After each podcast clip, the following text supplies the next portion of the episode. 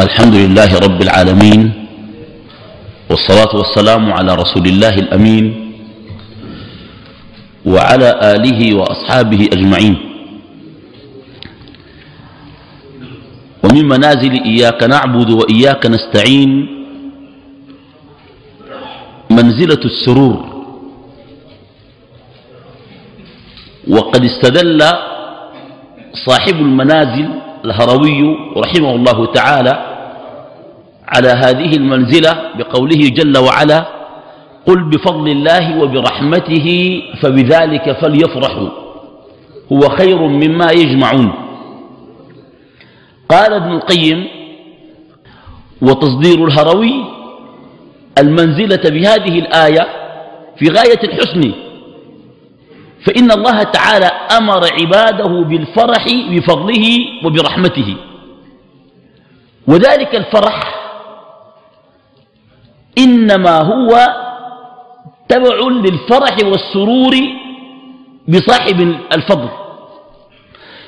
يعني الفرح أحيانا يكون بالنعمة وهذا جيد أن يفرح العبد بالنعمة.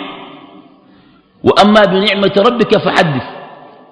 لكن أجل الفرح أن تفرح بالمنعم أكثر من فرحك بالنعمة. فإن الفرح بالنعمة أحيانا ينسيك المنعم فتستغرقك النعمة فلا تشكر ولا تذكر منعما لها. وهذه من القواطع والآفات. لذلك يقول ابن القيم رحمه الله معلقا فإن من فرح, فإن من فرح بما يصل إليه من جود وكرم وإحسان وبر ينبغي أن يكون فرحا بالجواد المحسن البر الكريم سبحانه وتعالى. طيب اختلف أهل التفسير في قوله تعالى قل بفضل الله وبرحمته بعضهم يقول فضل الله الإسلام ورحمته القرآن وهذا قول ابن عباس وقول قتادة وقول مجاهد وغيرهم. يقولون قل بفضل الله الإسلام الفضل أعم والرحمة أخص. يستدلون على ذلك بقوله ما كنت ترجو أن يلقى إليك الكتاب إلا إلا رحمة من ربك. فالقرآن رحمة والإسلام فضل لأن الإسلام أعم. فقد تجد الشخص مسلما ولكنه قليل الالتصاق بالقرآن. وقال بعض أهل التفسير فضل الله القرآن ورحمته أن تكون من أهله. يعني كأنه يريد أن يقول الفضل القرآن في نفسه لكن ما كل من قرأ القرآن انتفع به. وكأنه يريد أن يقول القرآن كالغيث. يقع على الأرض القابلة للنبات وغير القابلة للنبات. الأرض القابلة للنبات تنبت والغير قابلة للنبات تصيبها, يصيبها الغيث ولا تنبت. وكذلك النفوس منهم من يسمع كلام الله وكأنه يسمع كلاما عاديا من حيث ال ال القرآن وصله. كسائر المسلمين الذين ضلوا ضلوا وكتاب الله بين أيديهم. صح ولا ما صح؟ طيب ما الذي يحول بين كل هؤلاء الناس وبين القرآن؟ ليس لا أتحدث عن الكفار إنما أتحدث عن المسلمين. لماذا كلهم لا يقرؤون القرآن ومعظمهم؟ لأنهم لم يوفقوا من صاحب الهداية بأن يصيروا محلا للقرآن وأهلا له. فبالتالي هذه إضاءة على تصديق الهروي المنزلة بهذه الآية. قال ابن القيم والفرح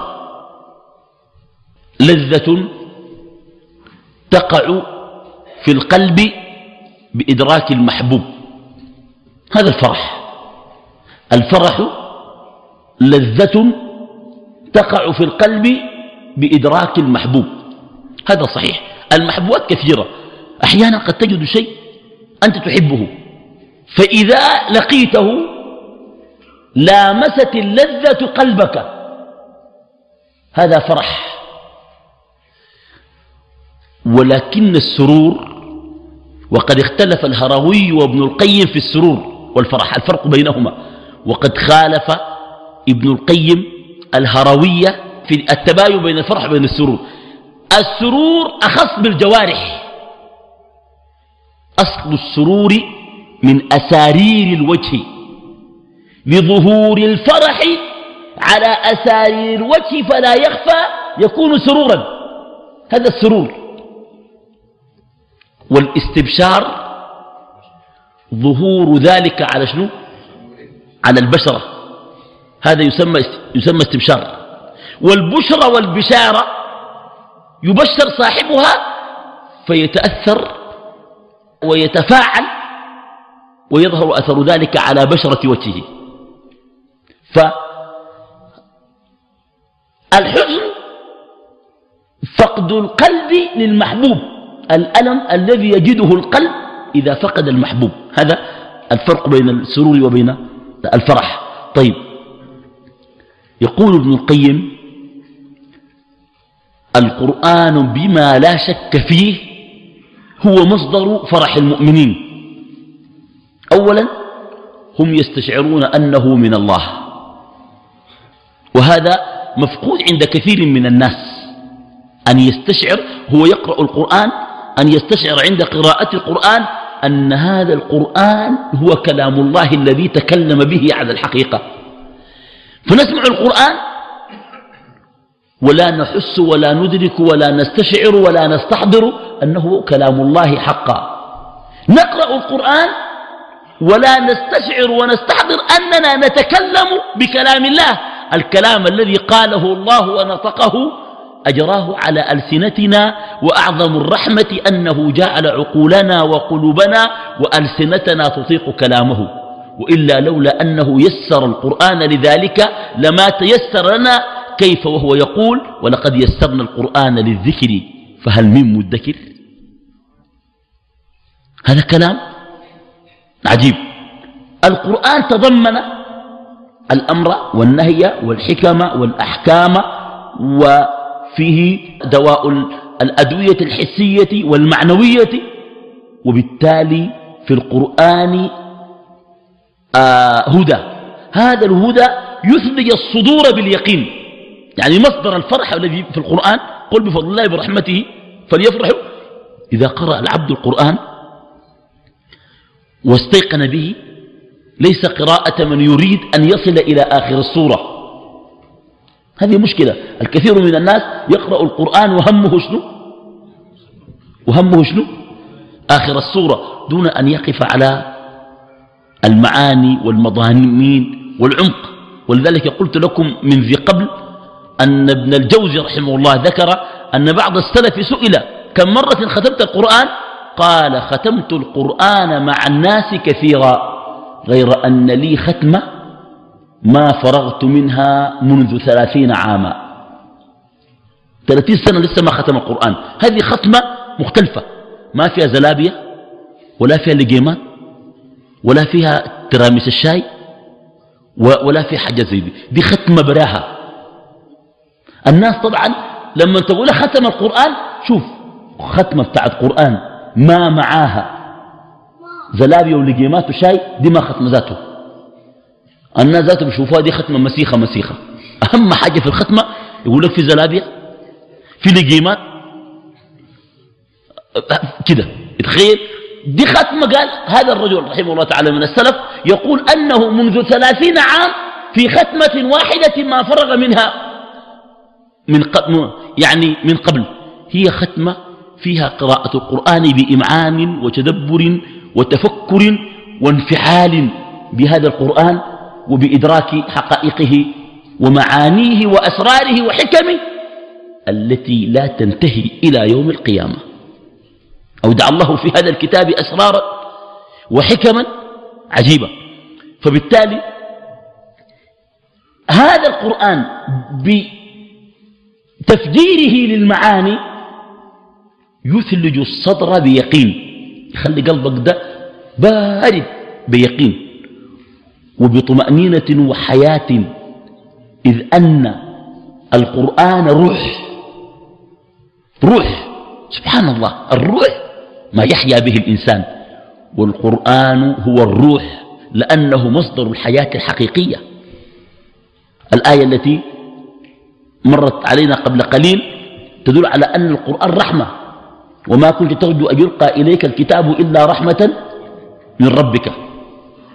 طيب قال ابن القيم قبل أن ندخل إلى كلام الهروي الفرح على نوعين. وهذا التقسيم يحتاج إلى تركيز لأنه كل قسم فيه أقسام. الفرح يطلق في القرآن على نوعين فرح مطلق وهو مذموم. الفرح المطلق ده مذموم. قال تعالى لا تفرح إن الله لا يحب الفرحين. هذا مذموم. وقال تعالى إنه لفرح فخور. هذا أيضا ممنوع. هذا الفرح مذموم. المطلق. الفرح الثاني مقي المقيد. والمقيد على نوعين. وده ذاته أي واحد يكون عنده أنواع. سكين قلت ركز. المقيد على نوعين. فرح بالله سبحانه وتعالى وفرح بالدنيا. المقيدات على نوعين. فرح مقيد بالدنيا ما مطلق الفرح فرحان بحاجة معينة. حتى إذا فرحوا بما أوتوا. ما الذي أوتوه؟ دنيا. أخذناهم بغتة فإذا هم مبلسون. مبلس يعني شنو؟ أه؟ آيس يعني. خلاص وصل الحد يعني فإذا هم مبلسون. أما الفرح المقيد بفضل الله أيضا على نوعين. فرح بالرحمة والفضل سببا. كقوله قل بفضل الله وبرحمته فرحين بما آتاهم الله من فضله فالفرح بالله وبرسوله هو الأساس. فرح بما جاءك من الخير وفرح بالذي أرسل إليك الخير. يعني الفرح بالعلم بالهداية بالتوبة بالتوفيق بالشرائع بالسنة بالهدى بالأمر بالمعروف والنهي عن المنكر. هذا فرح مقيد ومحمود محمود. ولكن النوع الثاني من الفرح المقيد المحمود أن تفرح بالمنعم. إذا فرحت بالهدى والقرآن والنور ففرحك برب العباد أجل لأنه هو الذي تكلم بالقرآن وأنزله. إذا فرحت بالسنة ففرحك برسول الله رسولا أجل وأعظم صلى الله عليه وسلم. طيب يقرر ابن القيم هنا قاعدة. يقول رحمه الله الفرح المقيد المحمود قلنا فرح مطلق أه؟ وفرح شنو؟ مقيد. والمقيد على نوعين. محمود وهذا على نوعين. فرح بالنعمة وفرح بمن؟ بالمنعم. والفرح المطلق المقيد المذموم هو الفرح بالدنيا. طيب. الفرح المقيد المحمود تابع للمحبة. وهذه قاعدة من القواعد العميقة في السلوك.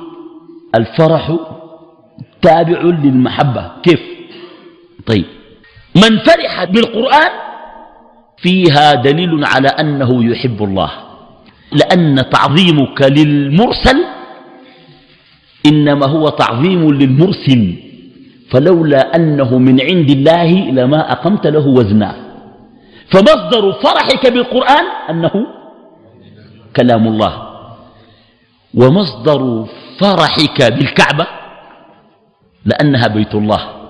فبالتالي يقول الفرح المقيد بالنعمة تابع لمحبة المنعم فعلى قدر تعظيمك لله عز وجل وعلى قدر إيثارك له على غيره يكون فرحك بالشيء الذي منه سبحانه.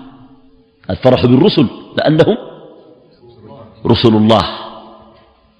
وكذلك الملائكة ملائكة ملائكة الرحمن ملائكة الله سبحانه وتعالى. طيب قال ابن القيم الفرح صفة كمال. الفرح صفة شنو؟ كمال. لأنها مما يوصف بها الله. فإن الله أشد فرحا بتوبة عبده. يوصف الله بأنه يفرح الفرح الذي يليق بجلاله سبحانه وتعالى. طيب يقول ابن القيم المقصود أن الفرح أعلى أنواع نعيم القلب وبهجته. بل لو تذكرون مرت علينا منزلة الرضا. طيب الرضا ده شنو؟ أن يسكن قلبك إلى أقدار الله. أيوة الفرح المحمود أعلى من الرضا. ليه؟ قال لأن الرضا سكون وطمأنينة والفرح لذة وبهجة وسرور. أزيد. فكل فرح بالله راض به. وليس كل راض بالله فرح. فقد يكون راض بالله ولكنه ليس فرحا. طيب. قال صاحب المنازل. الآن دخلنا إلى كلام؟ إلى كلام الهروي رحمه الله. قال صاحب المنازل السرور اسم لاستبشار جامع وهو أصفى من الفرح لأن الأفراح ربما شابه الأحزان ولذلك نزل القرآن باسمه في أفراح الدنيا في مواضعه وورد السرور في موضعين من القرآن في حال الآخرة. كلام جميل. كان معنا شنو؟ وهنا اختلف العلامة ابن القيم رحمه الله مع شيخه الهروي. ولكن الفرق بين اختلاف شيخنا ابن القيم مع الهروي عن اختلافنا نحن إذا اختلفنا مع بعضنا أن ابن القيم يختلف مع الهروي بأدب. ونحن إذا اختلف بعضنا مع بعض أسقطنا الأدب وبالتالي جاء الهوى. ده, ده الفرق يعني ابن القيم يقول والله هذه العبارة مزعجة. وغير سديدة. ولعله يريد بها كذا وكذا من الخير. لكن يا ليته قال كذا وكذا وكذا. ده كلام. واحد يقول لك ده كلام تقول الكلام ده مقصود به كده كده يطلع المقصود من رأسه. يحمل الكلام من رأسه هو. ويقيم على ذلك مواقف. يا اخوانا ده ذيك القاعده شوفوا. مدار السلوك على الأدب. السلوك شفت مدارج السالكين والسلوك بتاع السلف على الأدب. ولذلك أقول بملء فيه. من الناس من عرف منهج السلف في الاعتقاد ولكنه لم يعرف منهج السلف في السلوك والأخلاق. تعاون بالمال ينجضك نجاط شفت؟ ينجضك نجاط. يكرهك اليوم إنك انت تعاملت معه بالمال. كويس؟ يتكلم يخرج عن حدود الأدب. هم على درجات منهم من يتطاول على كبار العلماء. من الأموات كالشيخ بن باز والشيخ العثيمين والشيخ الألباني رحمه الله تعالى يطاولون عليه ومنهم من يتطاول على بقية إخوانه من المسلمين بالأذى. هذا عنده مشكلة. لما بدأ تعلم الدعوة وطريقة السلف تعلمها من خلال الكتب والاطلاع الخاص. أبدا ما جلس وتعلم عند شيوخ لذلك قال الثوري رحمه الله إذا رأيت الشاب يتكلم في أشياخه فآيس من خير فيه. ده ما فوق خير نهائي. ما تقول لي سلف ومع السلف. السلف أخلاق وأدب. في ناس يقول لك, أقول لك أنا من السلف وتبع السلف لكن أخلاق بتعريفه ما عنده. من يوم تلقى مكشر ده الالتزام الجد كارب. مكشر وشه شديد. يا زول مالك؟ يقول لك ده الالتزام. ده الالتزام ولا الفكة دي؟ ده الالتزام شنو ده؟ انت يا زول داعية ولا رباطي شنو؟ الحاصل شنو؟ ترباطي ولا شنو؟ يا أخي اضحك للناس يا أخي. شفت كيف؟ ولذلك هؤلاء لا يدرسون من العلوم إلا الغرائب. ولا يمكن أن يهدي الله به على يديه أحدا. ولا من أهل البدع. إنما يترصد الذين هم على منهجه من إخوانه. يترصدهم ويطعن فيهم. دين يا إخواني مشكلة كبيرة والله العظيم أنا أعظم ما استفدت من مدارج السالكين طريقة ابن القيم في اختلافه مع الهروي. يختلف معه في المسألة لكن يحفظ له المقامات. نحن لا نعرف هذا. اللي بخالفك ده؟ ودي الحزبية. هم ذات يقول لك الحزبية الحزبية. الحزبية يمكن أن يكون الواحد حزبيا وإن كان واحدا ما عنده جماعة براء حزبي. يرى نفسه أفضل الناس وأحسن الناس ويتطاول على إخوانه ويستعلي عليهم ويتكلم. شوف لا أكلمكم شيء. الزوج ملتزم؟ يقول ده ملتزم. كلمة ملتزم. ملتزم لسانه. هو الذي ينبئ ويخبر عن حقيقة التزامه وعدمها. الملتزم ده من لسانه. إذا كان وهيب بن الورد رحمه الله يقول ترك الغيبة أحب إلي من التصدق بجبل من ذهب وقال خارجة بن مصعب رحمه الله صحبت عبد الله بن عون ثنتي عشرة سنة ما أعلم أن الملائكة كتبت عنه ما يسوءه عند ربه. قال صحبته 12 سنة. مقتنع. في ال 12 سنة دي الملائكة ما كتبت حاجة تدخل مع ربنا في مشاكل. وقال ابن الجوزي صحبت شيخنا عبد الوهاب الأنماطي رحمه الله تعالى. قال فمما استفدته أنه ما كان يغتاب أحدا ولا يغتاب عنده أحدا. مش يغتابه. لو في دار في محله خليه. فكيف يكون ملتزما من لا يقيم للمسلمين حرمة؟ كيف يكون ملتزما من ينتمي إلى العلم وينتسب إليه وهو شديد اللسان وشديد المقال على الناس وعلى المسلمين؟ وأحيانا قد يوهمهم الشيطان أن هذا ضرب من ضروب الجرح والتعديل وما هم بأهل للجرح والتعديل. وما الجارح بأفضل من المجروح؟ ومن أنت حتى تجرح وتعدل. وأحيانا يقول هذا من باب الدفاع عن الدين. وهكذا يهمه الشيطان. ثم قال ابن الجوزي استفدت من عبد الوهاب الأنماطي أنه ما كان يغتاب أحدا ولا يغتاب عنده أحدا وكان يقول لنا علموا العلم مجانا كما تعلمتموه مجانا. علموا العلم مجانا كما تعلمتموه مجانا. ويقول أبو بكر المطوعي رحمه الله صحبت الإمام أحمد ثنتي عشرة سنة ما كتبت عنه حرفا. تعلمت من أدبه وسمته. 12 سنة استفاد من أدب الإمام أحمد. ولذلك يقول أسلافنا في السلوك والتربية الخلق مع الأكابر جبلة في البهائم وحشر لسليمان جنوده من الجن والإنس والطير فهم يوزعون حتى إذا أتوا على وادي النمل قالت نملة يا أيها النمل ادخلوا مساكنكم لا يحطمنكم سليمان وجنوده ولكنها تتعامل مع الأكابر فقالت وهم لا يشعرون قمة الأدب قمة الأدب. وهم لا يشعرون. ما قلت لهم بيعفصوكم بكتلوكم. قلت لهم بيعفصوكم بكتلوكم لكن ما قصدنكم. عشان كده عملوا حسابكم. يا أخي ده الأدب مع الأكابر جبلة في البهائم والحيوانات خاصة من الذين هم رموز للدعوة. نفع الله بهم الخلق الكثير وإن اختلفت معهم وإن تباينت معهم. ليس هذا بمدعاة لإسقاط جميع حقوقهم أن لا تقيم لهم وزنا. والله يا إخواننا الالتزام ده أنا باقي لي كثير من الناس. حد اللحية والجلابية القصيرة. ده فهمه إذا عمل السنة دي وهي سنة ولا ننتقصها. لكن ما هي حقيقة الالتزام وجوهره؟ حقيقة الالتزام وجوهره أن تقيم على الحق وأن تحفظ الجوارح وأشد الجوارح حفظا اللسان.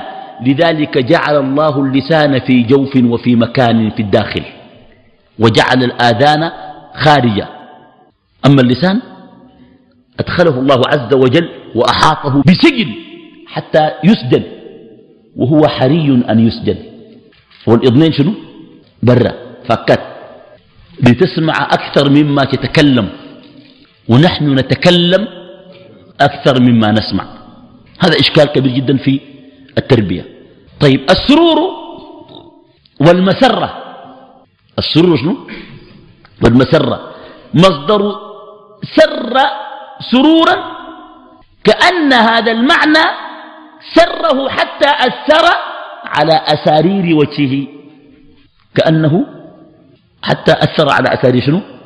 وجهه. إذا نظرت إلى السرة وجهه برقت كبرق العارض المتهلل.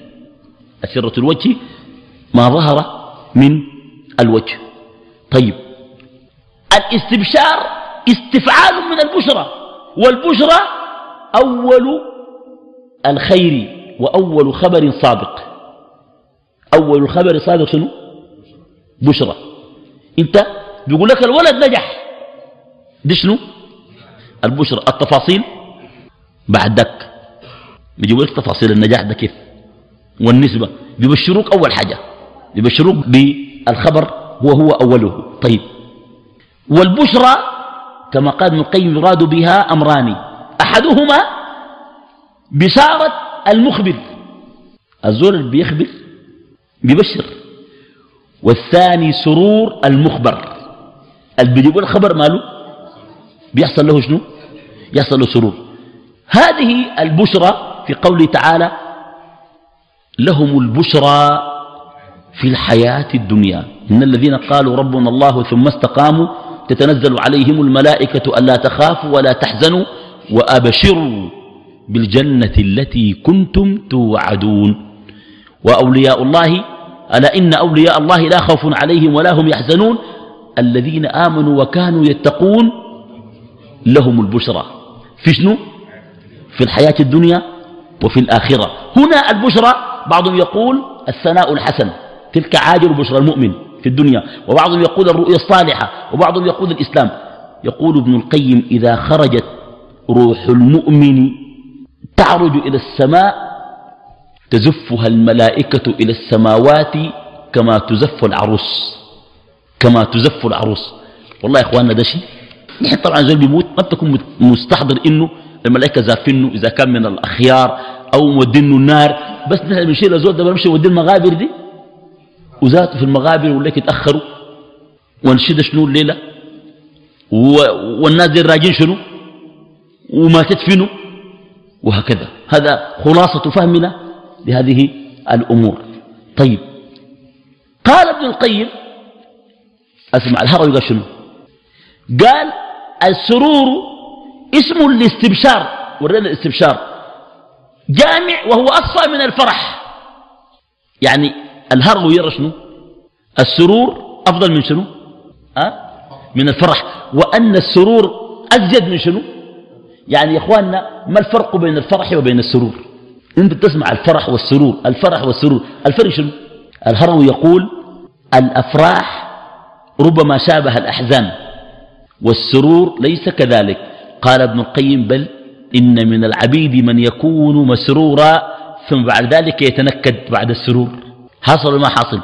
يا نائما بالليل مسرورا بأوله. إن الحوادث قد يطرقن أسحارا. تغير شنو؟ أه؟ تغير سروره. طيب قال نزل القرآن باسمه في أفراح الدنيا في مواضع. كأنه الهروي يقول شنو؟ بيقول الفرح فيه فرح بالله وفرح بالدنيا. الفرح بالدنيا حتى إذا فرحوا بما أوتوا ولا تفرح وإنه لفرح شنو؟ هذا في الدنيا. ممكن الفرح ممكن يكون لله ممكن يكون بسبب الدنيا. قال ابن القيم والسرور كذلك. والسرور شنو؟ كذلك. كيف؟ قال تعالى في السرور الذي يكون بعده الندم والسرور بالدنيا. قوله تعالى إنه كان في أهله مسرورا. إنه ظن أن لن يحور. إنه كان في أهله مسرورا. مسرور بشنو ده؟ لو كان مسرور بالله لما قيل. لا لما قال إنه ظن أن لن يحور. ما الحق أن إنه ظن أن لن يحور؟ أن لن يحور أن لن يرجع. أن لن يرجع إلى الله. إنه ظن أن لن يحور. هذا معنى يعني قوله. قال ابن القيم أيضا في هذه المسألة قوله بأن السرور ورد. إنما ورد في شنو؟ في القرآن في موضعين من مواضع الآخرة. يقصد قوله تعالى فسوف يحاسب حسابا يسيرا وينقلب إلى أهله مسرورا. سرور محمود. وقوله تعالى ولقاهم نظرة وسرورا. ده الموضعين. لكن ابن القيم ذكره بالموضع الثالث إنه كان في أهله مسرورا. إنه ظن أن لن يحر. طيب. إذا قال ابن القيم بل الفرح أكمل من السرور. وأرى أن حجة ابن القيم أقوى. قال لأن الفرح يوصف به الله ولكن السرور لا يوصف به الله سبحانه وتعالى. صح ولا ما صح؟ أيوه هذا كلام صحيح. فلو كان السرور كمالا لو وصف ذو الجلال والكمال به. إنما وصف بالفرح. لأن الفرح شنو؟ لأن الفرح أتم. طيب يقول الهروي ندخل بعد ده في كلام الهروي. هو كلام راقي ومفيد جدا. هو في هذا الباب على ثلاث درجات. الفرح في هذا الباب على ثلاث درجات. طيب الدرجة الأولى سرور ذوق. يا أخوان أديكم حاجة؟ مشكلة مدارج السالكين. أنت كما من السالكين ما بتفهم حاجة. ما هي اسمها مدارج شنو؟ السالكين. كم بقيت من السالكين بتبقى مسطح. كويس؟ أهم شيء تكون من السالكين لأنها هي مدارج السالكين. السالك الذي سلك في الطريق سلك. سلك يعني صار طريقه ميسرا وممهدا. وبالمناسبة كلمة سلوك اعتياد السير والتخلق بخلق معين حتى ولو كان ضلالا. لم يقل تعالى سلكناه في شنو؟ في قلوب المجرمين. أي صار لا يتأثر بالمواعظ ولا بالخير إنما صار لا يرتاح ولا يميل إلا للشر. وبالتالي بعض الناس لا يوفق إلى الخير أبدا. وبعض الناس يوفقوا لشنو؟ للشر. فهي هي مدارج السالكين. الغرض منها تنزيل القيم وتنزيل الأخلاق وتنزيل المقامات لتعيشها في نفسك ولتظهر على سلوكك ولتتأثر بها في أنماط حياتك. هذه هي مدارج شنو؟ مدارج السالكين. طيب سرور ذوق ذهب بثلاثة أحزان. السرور عنده فائدة أنه ضد الحزن فإذا وجد لا يوجد حزن. وكأن السرور إذا دخل القلب طارد الحزن منه. لكن دعني أسألك ماذا يفعل الكثير من الناس لكي يسر قلبه؟ من المحرومين بعد ذاك أيضا يفتش حاجات. أيضا عنده حاجة بتخلي شنو؟ زول يمشي النادي. زول يطلع رحلة. الخلد يقول لك أنا عندي شنو؟ كتمة. بس خلينا نطلع من الخلد من هذا. في زول كان الفريق انتصر في الكورة. هو بيفرح فرح شديد. فرح يا من يملص هدومه في شارع الزلط. والله أكلمك ناس يملص هدوم عديد. في الزلط ويعمل كده بالهدوم بتاعته. وناس لما يكونوا في الإستاد بيحرقوا العمم. يقول لك اشتعلت المدرجات. اشتعلت المدرجات ده شنو؟ المذيع ذاته يقول لك اشتعلت المدرجات. عمم جد. والله أنا استغرب في الناس. العمم ديل أزل أنت مالك؟ ها؟ ده ما جنده طبعا ده. ده ضلال مبين. يا أخي هو دخول الرجال الاستاد كويس؟ واحد لقيته قلت له ماشي وين؟ قال لي ماشي كورة. قال لي لا مباراة القمة. قال لي اسمها القمة. قلت له الساعة 11 الظهر ما جاء. قال لي يا مولانا لحد ما أصل الإستاد من الصحافة. عشان أصل الإستاد وما بلقى محل. لازم أمشي من الساعة 11 عشان يمشي إستاد الهلال يخش المباراة يخش الساعة 12 يقلب المباراة الساعة كم؟ الساعة 8 بالله الزول كان قالوا له محاضرة. كويس؟ في العقد يجي يحضر عقد. زول يقوم يتكلم يا بعد عيل ساعته. يا شيخنا ما تعقدوا لنا ريحونا يقول لك كلام الله ما دارين ندخل عقدوا لنا يقول لك. ويمشي الاستاد من الساعة 11 والمباراة الساعة 8 يا اخواننا المس... مشكلة الكورة ما تقول لي حلال ولا حرام. ده كلام داير يعني يا مولانا يا حلال يا حرام. لا كده. يا اخواننا الكورة أو الرياضة كرياضة حلال. زول يغير جسمه ده حلال. لكن المشكلة في الاستغراق. أول حاجة يحضر المباراة بنفسه. وتاني يوم يشتري ثلاثة جرايد. يا زول أنت شده امبارح ما شفته؟ هو هو شافه امبارح. وبعد يشتري جرايد ويقرا وفي الدقيقة سبعة والثمانين لاح الحظ ليشنو كده ما عارف. وشات الكورة ولكنها اصطدمت بالعارضة. يا أخي أنت يكلموك به؟ شوف المرضى دي بالله. يا أخي شيء شفته بعيونك دي؟ تمشي تشتري جرايد من الصباح؟ من الصباح. لازم يشتري جرايد عليك ده ما وهم؟ تقول لي حلال ولا حرام؟ ده حسد حلال ولا حرام. كويس وبعد ده. هو ما المشكلة مش مش بيشجع ولا بيلعب. بيحفظ بالتفاصيل. يقول لك ديل عندهم 23 نقطة. وديل عندهم 23 نقطة. ديل فايتينهم بالأهداف. التعادل لصالح ديل. وديل خاشين بفرصتين. وديل خاشين بفرصة واحدة. يا أخي ده وهم. والله انت وهمانين. وهم ما يعلم بيد الله. والله ناس غانا ذات وهمانين رأيك شنو؟ يا أخي شو؟ كورة قدر ده كورة ينفقوا فيها أموال قدر دي الرياضة اللي رقبتك أنت تتريق في رقبتك أنت. لكن كورة تخليك تشجع وتقرأ وتضيع زمنك وتناقش وتعرف وتحفظ. دي بقت ما رياضة دي دي بقت عبادة. هذه ما مجرد مجرد ميل لفريق ولا تشجيع. لذلك لا يمكن أن ننظر إلى المسألة نظرة مجردة مجرد أنه يا شيخنا الرياضة حلال ولا حرام؟ كان قلت الرياضة حرام يشيلوا حالك. علموا أولادكم السباحة والرماية وركوب الخيل. كويس. الشيء ده علاقته مع حصل ده كله شنو يقول لك حرموا الرياضة الناس دي لا ما حرمناها الرياضة ما حرمها. شنو؟ والله الرياضة فيها ما هو مفيد ونافع للأجسام. وهي متعلقة بحفظ الصحة وحفظ الصحة من مقاصد الشريعة. لكن الرياضة أم استغراق القلب؟ بل بالشيء كله. وإن كان يعني في واحد كلمني قال لي فيه الناس مفيدين في لاعب من مالي ولا وين؟ قال لك مشى في أسبانيا بيلعب في فريق كبير. بعدين أسلموا كده. في مسجد خلاص المدة بتاعته انتهت داري يكسروا. أه؟ العقد انتهى. اشترى الجامع دفع فيها كم؟ دفع فيها 700 ألف دولار.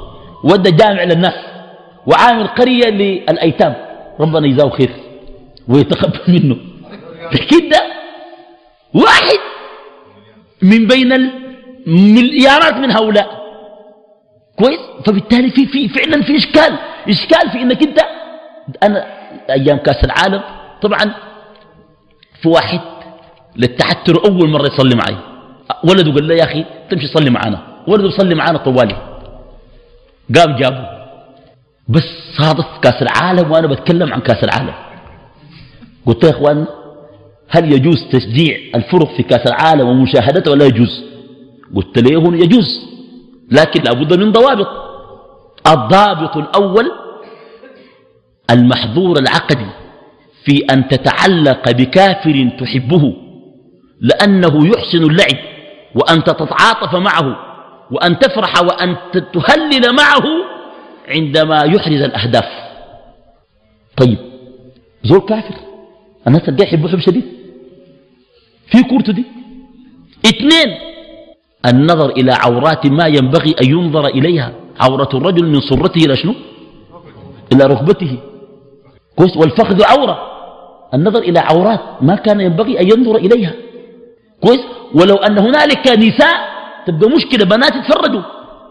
والمحظور الثالث من محاذير التشجيع ألا يفضي إلى تعلق قلبي واستغراق.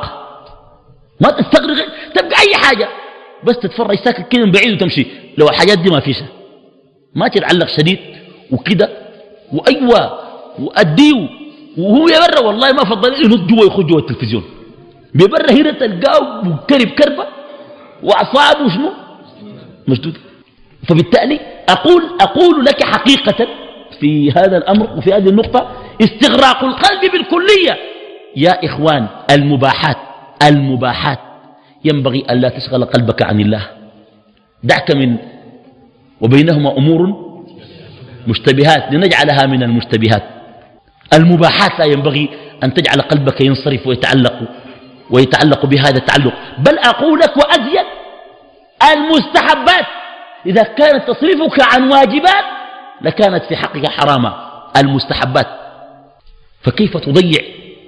وهذا المحذور الرابع تضيع الأوقات. والله يسألك يسألك عن هذه الأوقات. طيب المهم طبعا الأب ولده قال لها كيف؟ قال والله زود كلامه سمح. لكن ما كان يهبش كاس العالم ده. ثاني الظاهر ما جزته أول وآخر مرة. برضو من الصدف واحد أقنع له زول بتلتلة أجي صلي معي. بس قال له تمشي صلي معانا بس. وجابه. والزول عنده محل بتاع أغاني استريوهات والخطبة عن الغناء. من أول لحد آخره غنى الزول ده مرق من هنا محبط إحباط. بعدين شاكر الزول قال لي أنت متفق مع الشيخ؟ قلت له اتكلم عن الغنى وجبتني. قال لي والله أنا ما كلمته ولا عندي معه على والله ما أعرف أتكلم في شو. قال لي بس أنت الزول ده أنت جبتني عشان أسمع الكلام ده. لكن بدأ يغير دار يعمل له محل ثاني ويعني حس إنه الموضوع ده لو ما أقنعه هزاه. لأن أمر يتعلق بالمكاسب والأرزاق وكذا. إذا أقول يبحث الناس عن السرور فيما لا, فيما لا, فيما لا سرور فيه ولا به ويبحث الناس عن السرور الوقتي والزائف الذي يفعل المعاصي أو يغني أو يمشي حفلة أو يرقص أو, أو, أو, أو هو يظن أنه سيرتاح قلبه وأنه بهذا سيسر وإنه سرور يعقبه ألم وتعقبها حسرة وندامة الله عز وجل بها عليم ستذهب المسرات وتبقى في الفؤاد جمرات. جمرات شفت جمرات بجوا يغلي. الذي يعصي الله. زول بيسمع غنى ليه بيسمع غنى يقول لك أساس شنو؟ وفي ناس كان سمعوا نوع معين من الناس في غناء يسر سرور عظيم. ويفرح فرح. فرح كبير. طيب. إذا السرور بالله يذهب ثلاثة أحزان. حزن أورثه خوف الانقطاع. وحزن هاجته ظلمة الجهل وحزن بعثته وحشة التفرق. طيب الحزن الأول الذي يذهب به السرور ويزيله بالكلية حزن أورثه خوف الانقطاع وهو حزن المتخلفين عن ركب المحبين. ده كلام جميل جميل. حزن المتخلفين عن ركب المحبين. يا إخواننا شوفوا أن تكون في ركب المهتدين هذا توفيق. وإلا فإن الله قال عن بعض الناس ولكن كره الله انبعاثهم. كره الله شنو؟ انبعاثهم. فثبطهم وقيل اقعدوا مع القاعدين. يعني لو خرجوا فيكم ما زادوكم إلا خبالا ولأوضعوا خلالكم يبغونكم الفتنة وفيكم سماعون لهم. والله عليم بالظالمين. ولكن كره الله انبعاثهم. فثبطهم وقيل اقعدوا مع القاعدين. قال ثبت الله عزائمهم وأمر قلوبهم أمرا كونيا قدريا أن تقعد مع القاعدين المتخلفين عن السعي إلى محاب الله ورضوانه. إخواننا في حاجة مهمة جدا في السلوك والتربية. مسألة في غاية الأهمية. بعض الناس من السلف يقول إني إذا أردت أن أعصي الله لما استطعت. في بعض السلف لو أراد شنو؟ أن يعصي الله لما استطاع لا يوفق للمعصية لأن الله يريده لنفسه طاهرة يصرف عنه السوء والفحشاء لأنه من المخلصين من الخلص. شوف الشيء كيف. وقوع العبد في المعصية أشأم ما فيها رفع حجاب التوفيق عن العبد حتى وقع في المعصية وإن كان له من الأمل أن يرجع وأن يتوب إلى الله والله يقبله.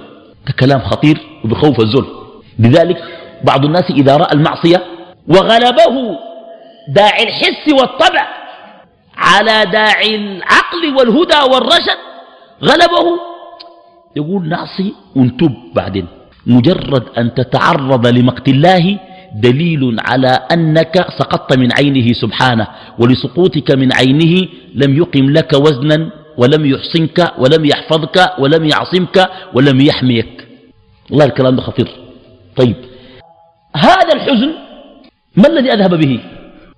أذهبه أنه بصديقية عالية صديقية عالية. الصديق هو الذي يوقن بكل ما أنزل من شرائع. يقين من يرى. يقين ما شنو؟ من يرى. ده الصديق. وعلى رأسهم الصديق الأكبر أبو بكر رضي الله تعالى عنه. طيب قال شنو؟ هذا كلام أنا حقرأه لكم يعني كما هو. فلو عاينت قلوب القاعدين حين أمرت بالقعود عن مرافقة الوفد وقد غمرتها الهموم وعقدت عليها سحائب البلاء فأحضرت كل حزن وغم وأمواج القلق والحسرات تتقاذفها وقد غابت عنها المسرات ونابت عنها الأحزان لعلمت أن الأبرار في هذه الدار في نعيم وأن المتخلفين عن رفقتهم في جحيم. وهذا من فهم ابن القيم. كان يرى قوله تعالى إن الأبرار لفي نعيم في الدنيا وفي الآخرة. فهم في الآخرة في نعيم الجنة وفي الدنيا في نعيم الطاعة. في الدنيا في نعيم شنو؟ في نعيم الطاعة. وفعلا والله الطاعة عندها نعيم عجيب خلاص. طيب آه هذا الحزن آه الأول. الحزن الثاني حزن ظلمة الجهل. يا سلام. والله ابن القيم ده عالم. قال والجهل على نوعين جهل علم ومعرفة وجهل عمل وغي. جهل علم وشنو؟ ومعرفة. وجهل شنو؟ عمل وغي. كل معصية جهالة كل من فعل معصية جهالة. ولذلك إذا اجتمعت أمور الشر تسمى الجاهلية نسبة إلى الجهل الجاهلية إلى الجهل. وأبو جهل سموه شنو؟ أبو جهل ده خم الشر كله. ده أبو جهل. ده أبو الجهل ذات شفت؟ لو في جهل هو أبوه. ما كان كان يكنى في مكة بأبي الحكم. عبر بن هشام المخزومي. ده منه أبو جهل. وهو خال عمر بن الخطاب. لأن عمر بن الخطاب أمه حنتمة بنت هشام. وأبو جهل هو عمرو بن ابن هشام. خاله. لكن شتان بينهما. ده أبو جهل. فالجهل إما جهل شنو؟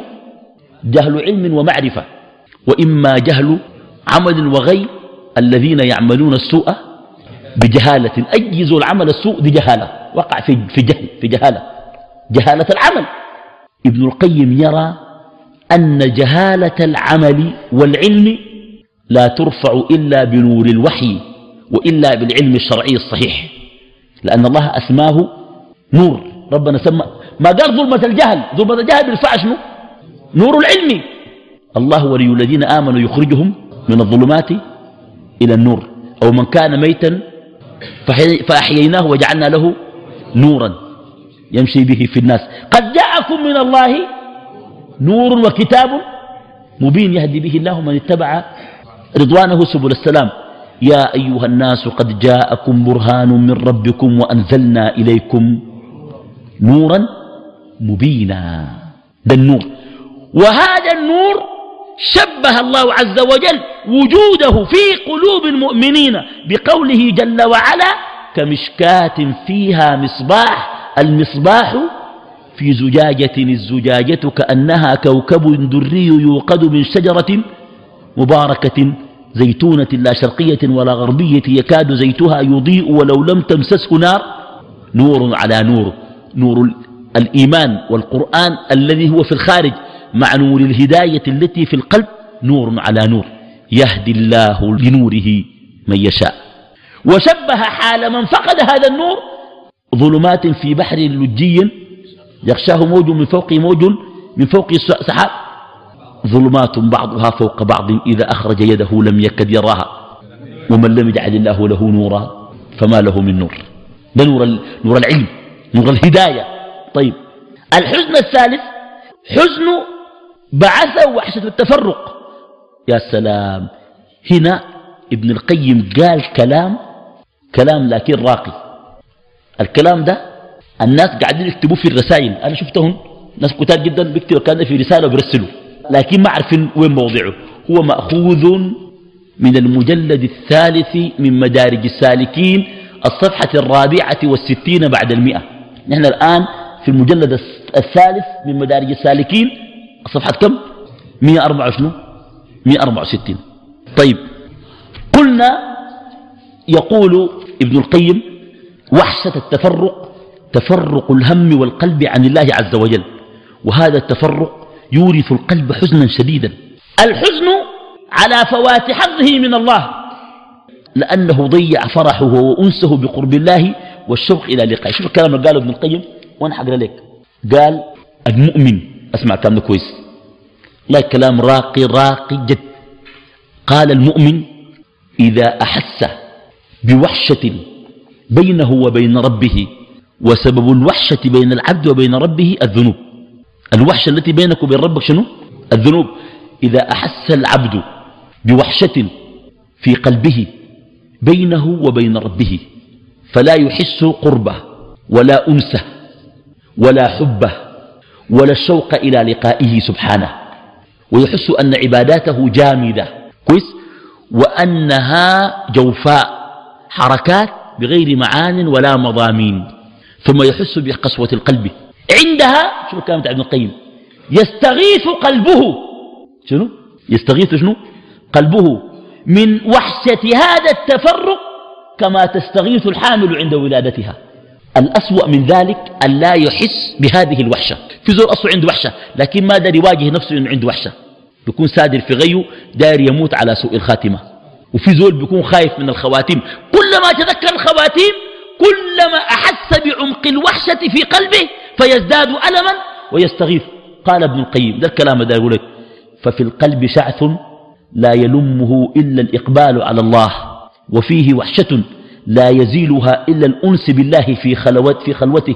وفيه حزن لا يذهبه إلا السرور بمعرفته وصدق معاملته. وفيه قلق لا يسكنه إلا الاجتماع عليه والفرار منه إليه.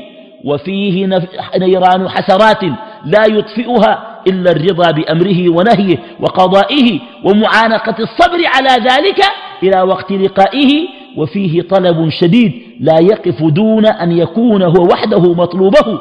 يعني هذا الطلب الشديد لا يقف إلا إذا كان مطلوبك الله. أما إذا كان مطلوبك كل شيء فإن طلب قلبك لن يقف وفيه فاقة لا يسدها إلا محبته والإنابة إليه ودوام ذكره وصدق الإخلاص له.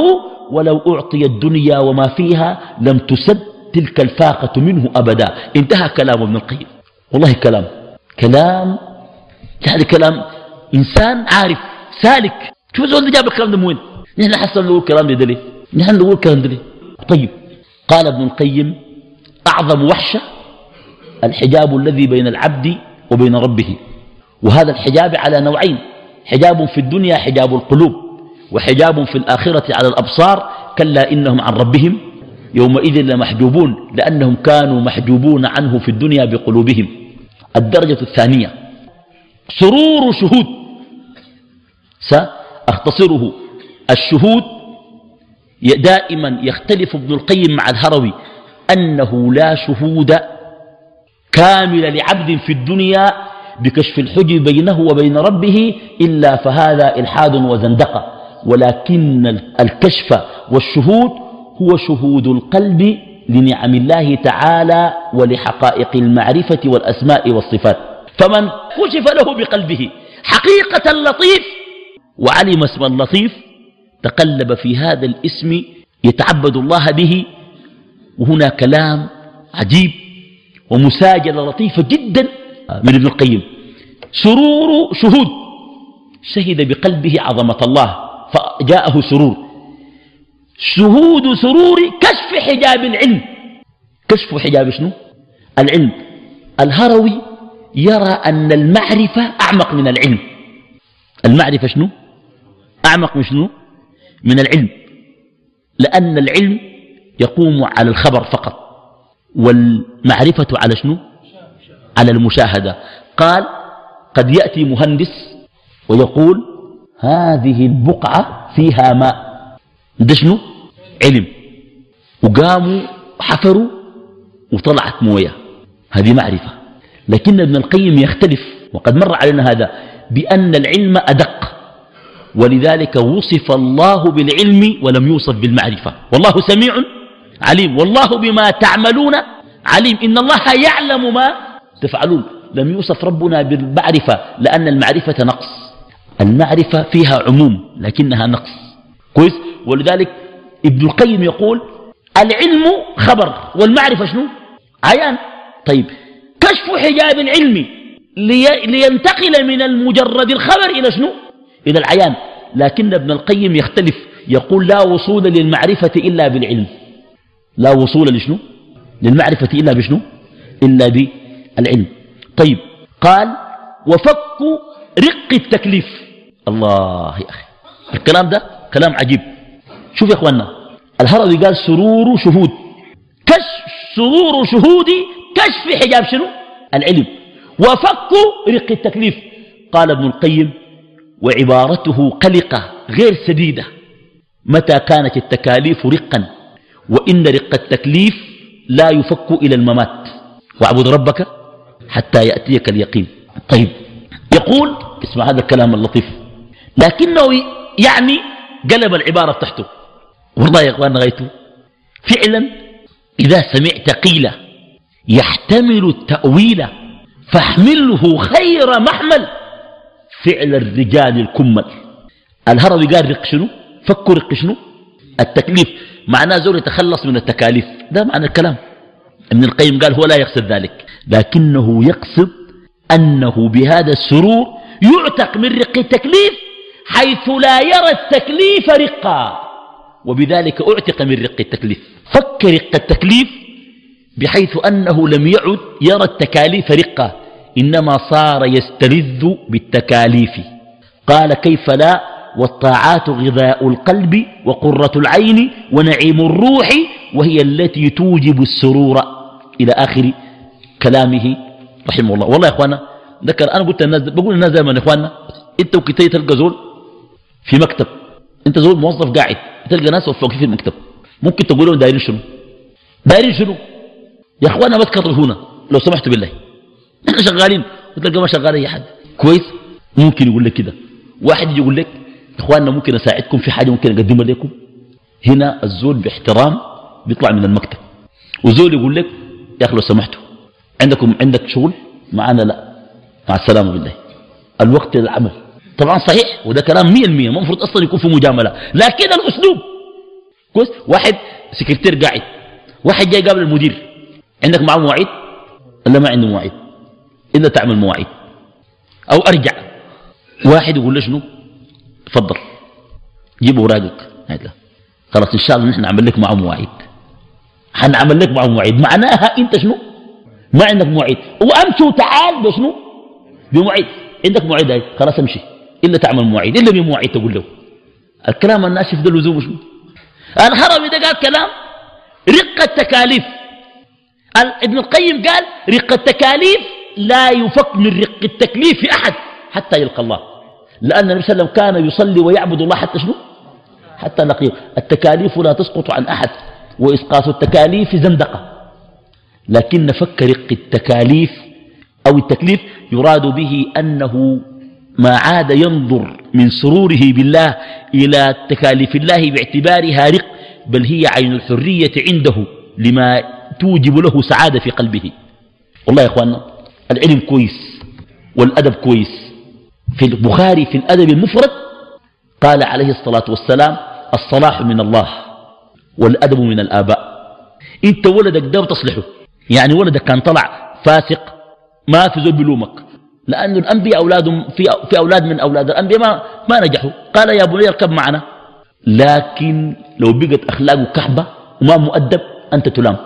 ممكن ولد يكون سفيه لكن يكون مؤدب. لكن إذا بقى ما مؤدب أنت معناه ما أدبته.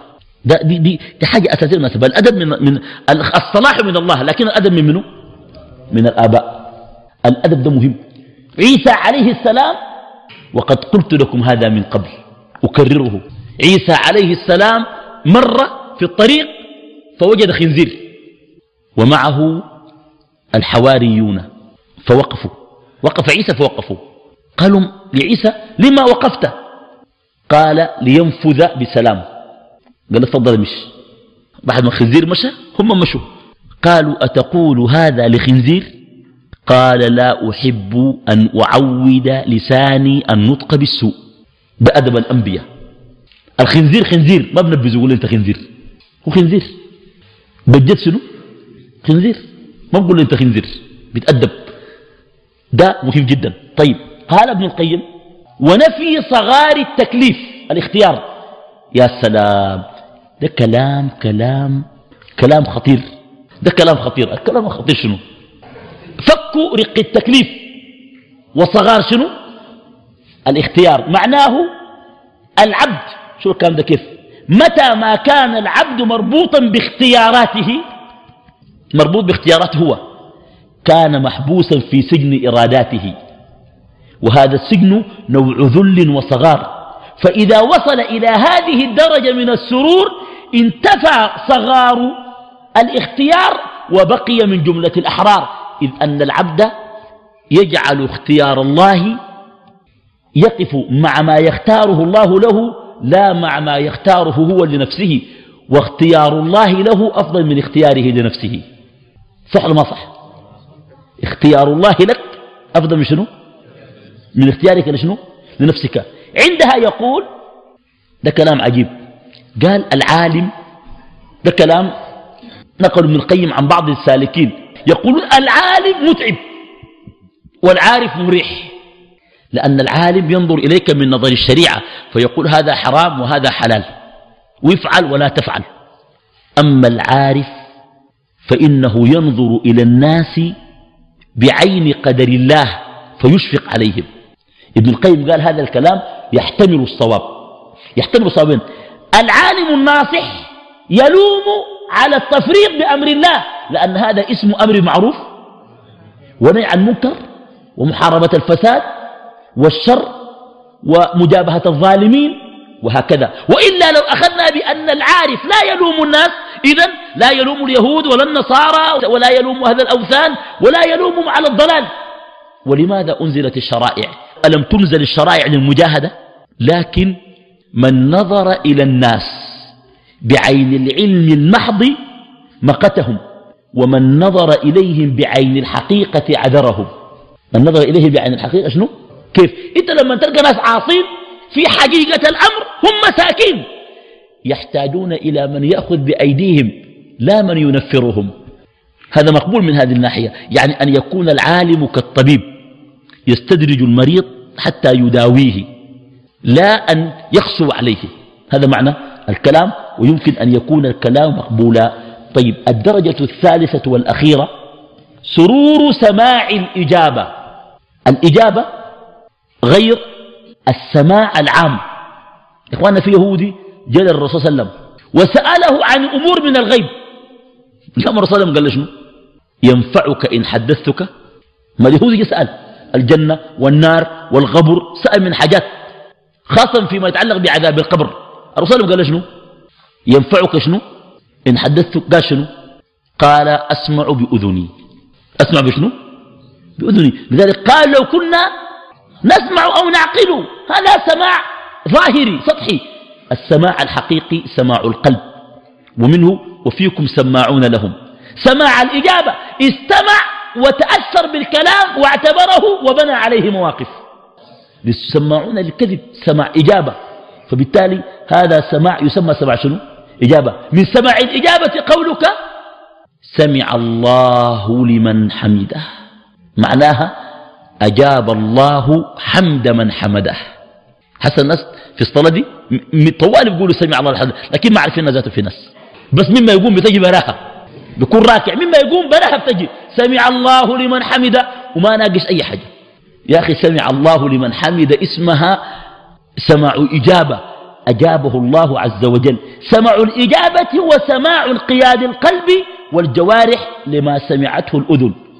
وإلا كما قلت لك في ناس سمعوا وما أجابوا. قالوا سمعنا وعصينا. هذا السمع سرور يمحو آثار الوحشة ويقرع باب المشاهدة ويضحك الروح باختصار كالآتي. السرور بيجي من وين؟ من سمع الإجابة. باختصار العبد إذا سأل الله الهداية. أسمع كم ده كيف؟ إذا سأل العبد ربه شنو؟ الهداية. وقد أجابه الله. أجاب الله شنو؟ دعاءه. فصار مهتديا بالهداية التي جاءت من دعائه لله وإجابة الله له يكون مسرورا. يعني السرور بأنه دعا الله فأجابه الله ومن إجابة الله له أنه هداه وبالهداية يكون العبد مسرورا. واضح أخوانا الواضح نكون بذلك قد انتهينا من منزلة السرور من منازل إياك نعبد وإياك نستعين من كتاب مدارج السالكين. على أن ألتقيكم في درسنا القادم عن منزلة السر. أستودعكم الله الذي لا تضيع ودائعه. والسلام عليكم ورحمة الله وبركاته.